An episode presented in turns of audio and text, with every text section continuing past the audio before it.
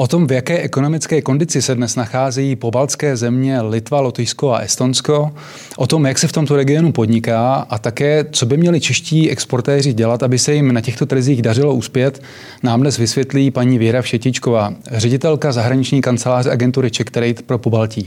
Dobrý den. Dobrý den, děkuji za pozvání.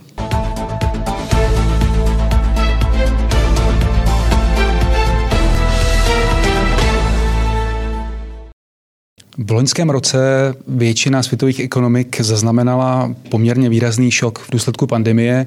Ten propad ekonomiky se nevyhnul ani regionu po Baltí. Můžete nám říct, jak ta situace vypadá teď a případně jaké jsou odhady do budoucího vývoje? Ano, samozřejmě koronavirová krize se promítla i v regionu Pobaltí a stejně jako v jiných částech světa Evropy měla negativní dopady. A Pobaltí, nebo respektive Litva, Lotyšsko a Estonsko mají na rozdíl od jiných států tu výhodu, že nejsou příliš závislé například na cestovním ruchu, který byl opravdu kriticky postižen tou koronavirovou krizí.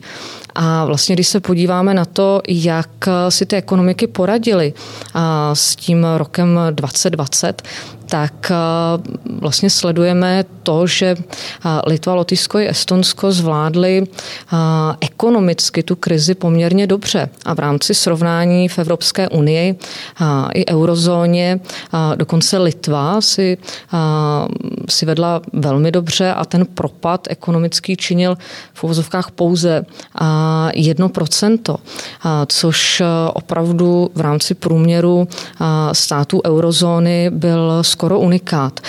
Lze říct, že v případě Litvy za tím relativně nízkým propadem určitě stojí to, že na rozdíl třeba od, od těch dalších států má mnohem více rozvinutý sektor výroby průmyslu, který stále vlastně fungoval nehledě, nehledě na různé koron, různá koronavirová opatření a omezení. V případě Lotyšska tam hodně zafungoval vysoký export a historická úroda, respektive sklizeň, která taky pomohla tomu hospodářství a v případě Estonska tam zase zafungoval ten digitální stát, respektive to, že je tam velmi rozvinutá oblast IT a digitalizace a to vlastně ty ekonomiky udrželo, udrželo relativně nad vodou, nebo řekněme, nedošlo tam k tak výrazným propadům. Co se týká těch perspektiv do budoucna, tak státy po Baltí už vlastně v té minulé krizi v roce 2008-2009 ukázaly, že se dokáží velmi rychle dostat před tu, nebo respektive na tu předkrizovou úroveň, protože paradoxně díky té své menší rozloze, nebo respektive tím, že jsou to menší ekonomiky, tak jsou flexibilnější, dokáží rychle reagovat na změny, které se dějí na těch trzích a dokáží se rychle vrátit k tomu svému předkrizovému stavu. A Například konkrétně teď ve třetím kvartálu estonská ekonomika opravdu rostla vůbec historicky nejvíc ve své moderní historii. Tuším, že se jednalo o 12 Kdybyste eh, chtěla, nebo když eh, českým exportérům říkáte, proč podle vás stojí za to pokusit se o úspěch na trzích, eh, na trzích těchto pobalských zemí, jaké argumenty hlavně používáte? Jaké jsou tam podmínky pro podnikání? Podmínky pro podnikání ve státech po Baltí jsou poměrně zajímavé a vlastně tím to je jeden z bodů, se kterými začínáme vždycky v rámci komunikace s českými klienty. Státy po Baltí, všechny tři, mají i z hlediska srovnání, které poskytuje Světová banka v rámci žebříčku Ease of Doing Business, patří mezi 20 států světa z hlediska jednoduchosti podnikání, myslím tu top 20. Mají velmi dobře nastavené daňové systémy, takže konkurenceschopnost daňových systémů je opravdu na vysoké úrovni v těch, v těch jednotlivých zemích. A pro české firmy z hlediska těch podmínek určitě hraje významnou roli i to, že jsou nám geograficky stále velmi blízké. Jsou to státy Evropské nebo členy Evropské unie, státy eurozóny. Dneska ve všech těch třech zemích se platí eurem. Jsou to země, které jsou velmi dobře předvídatelné, ať už, ať už politicky, tak do značné míry ekonomicky. Jednak samozřejmě opět tím, že jsou členy Evropské unie, tím, že jsou členy NATO. Takže i ta opravdu ta politická stabilita je něco, co české firmy určitě mohou ocenit a v rámci tvoření nějakého business plánu to může mít velkou roli. Jak z vašeho pohledu české firmy těchto těch příznivých podmínek, které jste teď popsala, využívají? Eh, je velký zájem o podnikání, podnikání nebo o úspěch eh, na trzích těchto, těchto států?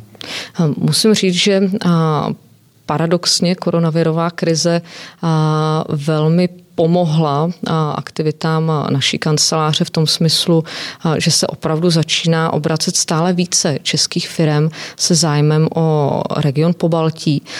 Samozřejmě i z toho důvodu, že pandemie narušila dodavatelsko-odběratelské vztahy a najednou jednak v Pobaltí jsou omezeny dodávky z Ázie, z těch vzdálenějších zemí. Hledají se noví dodavatelé, kteří jsou prostě geograficky blíže a vzniká řada příležitostí pro české firmy. Takže to je jeden, jeden z aspektů, který, který v rámci té současné, současné doby hraje ku prospěchu českým firmám. Dále paradoxně to byl i Brexit, který pro české firmy může být zajímavý v jiných státech, protože najednou ve státech po Baltí řada firm, které měly dodavatele z Velké Británie, tak hledají náhradní dodávky, respektive náhradní dodavatele a v některých případech to mohou být i, i české firmy. Pojďme se na ty příležitosti zaměřit eh, podrobněji. V tom regionu se děje spousta zajímavých věcí. Četl jsem například, že po Baltí jako takové míří mimo jiné k nezávislosti na fosilních palivech. Můžete podrobněji popsat, co se tam přesně v tomhle ohledu děje a jaké, jaké šance pro české exportéry tam z toho mohou vyplynout? V případě energetiky a, a regionu po Baltí vzniká hned několik příležitostí. Já to možná rozdělím. A ta prioritní a aktuálně velmi, velmi zásadní je synchronizace elektrických přenosových soustav Litvy, Lotyšska a Estonska k evropské kontinentální síti. Mluvíme tedy o nějaké infrastruktuře, která ale potřebuje samozřejmě nové a moderní technologie a to jednak k tomu samotnému přepojení, ale jednak k modernizaci těch vlastních přenosových soustav v těch jednotlivých státech a to, to je určitě oblast, kde mají české firmy co nabídnout. Zároveň se jedná určitě o výrobky s vysokou přidanou hodnotou, takže to je jeden z těch sektorů v rámci energetiky a velkých projektů, který aktuálně už tedy probíhá v rámci regionu, protože se opravdu jedná o projekt prioritní.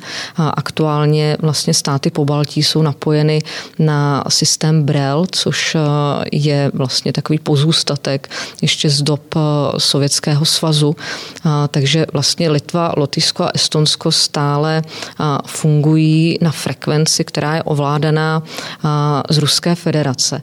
Takže ten tlak na to přepojení právě k Evropě je opravdu výrazný.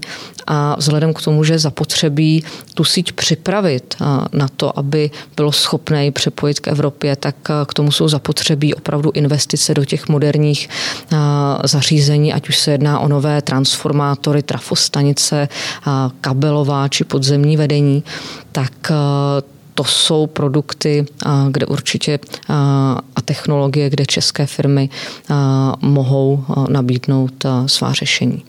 A pokud jde o tu zmiňovanou nezávislost na těch fosilních palivech, jak tam to vypadá? Vlastně ta nezávislost na fosilních palivech do značné míry vyplývá i z evropského Green Dealu, takže postupného přecházení opravdu na ty obnovitelné zdroje. Takovým největším oříškem to bude pravděpodobně pro Estonsko, které aktuálně v tom svém energetickém mixu má výrazně zastoupeno spalování ropných břidlic, které je bohužel velmi neekologické, ať už co se jedná, nebo respektive ať už se jedná o to samotné spalování, tak o těžbu těch ropných břidlic a dneska je Estonsko vlastně jedním z největších znečišťovatelů v Evropské unii při výrobě elektřiny. Takže v případě Estonska vzniká opravdu velká potřeba přepnout se, nebo respektive najít ta nová a nová řešení obnovitelné zdroje energie, přičemž tím největším potenciálem má aktuálně větrná, konkrétně offshoreová větrná energetika, kdy se plánuje eh, řada projektů výstavby větrných farem eh, právě v Baltském moři, které se ukázalo, že má eh, vysoký potenciál z hlediska výroby, výroby energie. A Dokonce se hovoří i o tom, pokud by byl maximálně využit tento potenciál, tak po Baltí by mohlo být i exportérem elektřiny. Takže Větrná energetika je rozhodně směr, kterým se upíná pozornost Litvy, Lotyšska, Estonska a především toho Estonska. Estonci také zvažují možnost začlenění jaderné energetiky do svého energetického mixu. Nicméně nejednalo by se o klasickou jadernou elektrárnu, ale o jakýsi jaderný modul, tedy zjednodušené řešení, které by ale dostačovalo těm potřebám energetickým, které Estonsko má. Vy jste už mluvila o té energetické infrastruktuře, e, nicméně pokud jde o, tu, o ty infrastrukturní projekty, tak ty se týkají i dalších oblastí, jako jsou silnice, mosty, vlastně i letiště, nebo třeba i železnice. Mm, pokud vím, tak e, dokonce Rail Baltica je označovaný za infrastrukturní projekt století. Předpokládám, že tam se taky asi dají nebo, nebo dají se tam očekávat nějaká, nějaká, nějaké příležitosti, nějaké šance pro exportéry? Určitě. Projekt eh, Rail Baltica je dlouhodobý záměr, který konečně eh, v těchto letech eh, dochází ke své realizační fázi, což je samozřejmě ta fáze nejzajímavější pro české exportéry. A nebude se jednat pouze o samotnou výstavbu těch, nebo té rychlostní trati, vysoko vysokorychlostní trati, ale samozřejmě i té přidružené infrastruktury. Ať už se jedná o nádraží, nákladová překladiště a, a další příslušnou infrastrukturu. Co se týká té samotné, samotné železnic, železnice, tak samozřejmě i s tím souvisí mnoho dalších dalších aspektů, bezpečnost eh, na železnici, eh, oblast interoperability eh, a to jsou zase segmenty, kde české firmy mají rozhodně co nabídnout. Takže ano, Rail Baltica je jeden z největších infrastrukturních projektů současnosti. Samozřejmě naše kancelář sleduje ty jednotlivé projekty a tendry a průběžně o nich informuje české společnosti. My jsme už probrali poměrně hodně oblastí. Eh, jsou nějaké, z vašeho pohledu, nějaké další, eh, další perspektivní odvětví eh, pro Českou republiku? Já se nerada omezuji vždycky na konkrétní odvětví. Záleží vždycky na produktu, na časování, jeho ceně a jestli je v něčem lepší než produkt, který se aktuálně na tom trhu nabízí. Takže nerada to zjednodušuje, ale samozřejmě kromě té energetiky, o které jsme, o které jsme mluvili, oblasti infrastruktury, tak tím, že ty ekonomiky mají nějaké své dlouhodobé tradiční zaměření, jako například zaměření na zemědělství, navázaný potravinářský průmysl, tak rozhodně technologie pro tato odvětví, přičemž potravinářský průmysl byl v jsou respektive v souvislosti s koronavirem vysoce podporován právě kvůli zajištění potravinové soběstačnosti, tak technologie do nových potravinářských provozů, stejně tak technologie pro dřevospracující průmysl, který je pro ten trh tradiční a typický.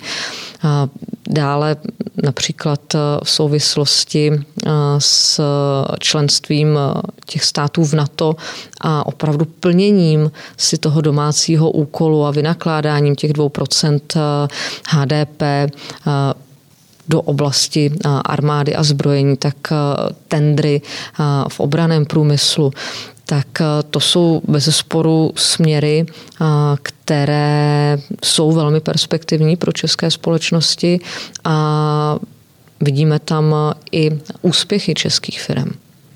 Je z vašeho pohledu něco, co eh, ten zahraniční exportér prostě musí splnit, aby mohl eh, na tu šanci nebo na ten úspěch pomýšlet, nebo eh, ty trhy jsou se už vlastně v tomto pohledu nijak neodlišují od trhů Evropy, střední, západní Evropy. Jak to vnímáte? První věc, první věc, kterou by si měly české firmy s plánem vstoupit vlastně na ty jednotlivé trhy, co by si měli uvědomit, že my mluvíme často opravdu o pobaltí, ale jsou to tři poměrně odlišné státy, které my někdy paušalizujeme, ale oni se velmi liší. Liší se jazykem, liší se kulturně, liší se z hlediska cenových hladin i těch makroekonomických ukazatelů v rámci svého vývoje a to, a to historicky. Takže První věc, kterou by si určitě čeští exportéři nebo české společnosti se zájmem proniknout na tyto trhy měli uvědomit, že opravdu se jedná o tři různé země, ve kterých velmi pravděpodobně budou potřebovat minimálně tři různé partnery. A připravit se, obrnit se trpělivostí, že to může prostě trvat, trvat o něco déle.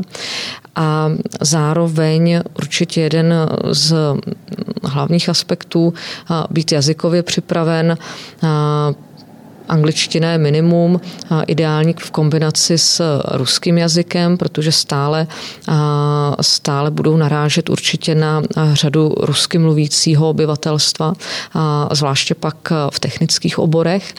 Takže ta jazyková průprava a připravenost materiálů, webových stránek pro tyto potřeby je nezbytná. A co se týká takových těch měkký, měkkých faktorů, tak eh, byť nám ty státy nejsou geograficky tak vzdálené, tak ehm, je třeba být připraven na to, eh, že i ta mentalita těch obchodních partnerů se bude eh, poměrně lišit. Takovou opravdu výraznou vlastností je pragmatismus. Jak se to projevuje? Projevuje se to například tím, že pokud česká firma nebo například eh, my, eh, naše kancelář v zastoupení české firmy, eh, oslovujeme místní partnery, tak ten místní partner poměrně jasně a zřetelně dá najevo, pokud nemá zájem o spolupráci a nemá cenu opravdu ho přemlouvat, protože oni zástupci těch jednotlivých firm, ať už v Lotyšsku, v Litvě, v Estonsku, prostě nakládají efektivně s jejich časem, ale i s vaším časem. A pokud nemají zájem o tu spolupráci, nechtějí ji rozvíjet, tak to dají poměrně jasně najevo v případě Estonska až řekněme stroze bez jakéhokoliv balastu kolem. Takže to je jeden z aspektů. Druhý z aspektů je určitá rezervovanost. Opravdu i ve chvíli, kdy naopak ty firmy projeví zájem o spolupráci, tak je zapotřebí si toho partnera ještě získat po té osobní stránce. Osobní faktor setkávání s těmi obchodními partnery je věc, která v našem regionu je stále velmi důležitá. Připravují se na příští rok nějaké zajímavé, významné akce? Tak eh, naše kancelář eh, tradičně eh, se účastní několika veletrů v regionu.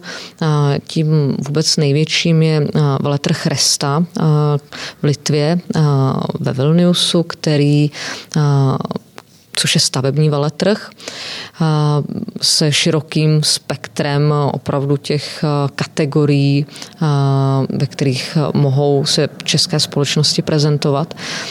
Další tradiční akcí, kde prezentujeme české společnosti, je veletrh Riga Food, zaměřený na potravinářský průmysl a také s výraznou akcí s vysokou návštěvností veletrh Tech Industry, který představuje zase veletrh se širším technickým, technickým zaměřením. Ale to jsou, řekněme, ty veletržní akce, a nicméně, a nicméně organizujeme i akce, řekněme, individuálního typu, ať už se jedná o oborové mise, které jsou úžej zaměřené. V tomto případě můžu zmínit například zatím v online formátu plánovanou prezentaci českých společností, které nabízí technologie a řešení pro energetickou, zvyšování energetické účinnosti. A tam se v tomto případě se budou moci české firmy prezentovat online před eh, místními partnery, konkrétně v Lotisku a institucemi, které jsou eh, relevantní v této problematice. Eh, následně nebo také plánujeme prezentaci českých firm, které dodávají technologie a produkty do pekárenského průmyslu a samozřejmě ty projekty vznikají, vznikají postupně a vlastně záleží vždycky opravdu na těch společnostech, které se na nás obrátí a ve chvíli, kdy tam je možnost nějaké komplementarity, tak opravdu můžeme ad hoc připravit projekt, ať už misi, prezentaci a představit ta česká, česká řešení. Tradičně a intenzivně na tom spolupracujeme i s naší ambasádou nejen v Rize, kde sídlí naše kancelář, ale, ale také v Talinu a plánujeme určitě i projekty ve Vilniusu přičemž opět to zašítění zastupitelským úřadem v těchto těch zemích dává těm akcím vyšší status a zvyšuje i úspěšnost těch projektů. Děkuji vám za rozhovor. Děkuji za pozvání. Naše další inspirativní rozhovory zaměřené na různá podnikatelská témata si můžete poslechnout na podcastových platformách Spotify, Google Podcast a Apple Podcast. Videoverze rozhovorů pak najdete na YouTube kanálu Business Info a aktivní jsme i na sociálních sítích.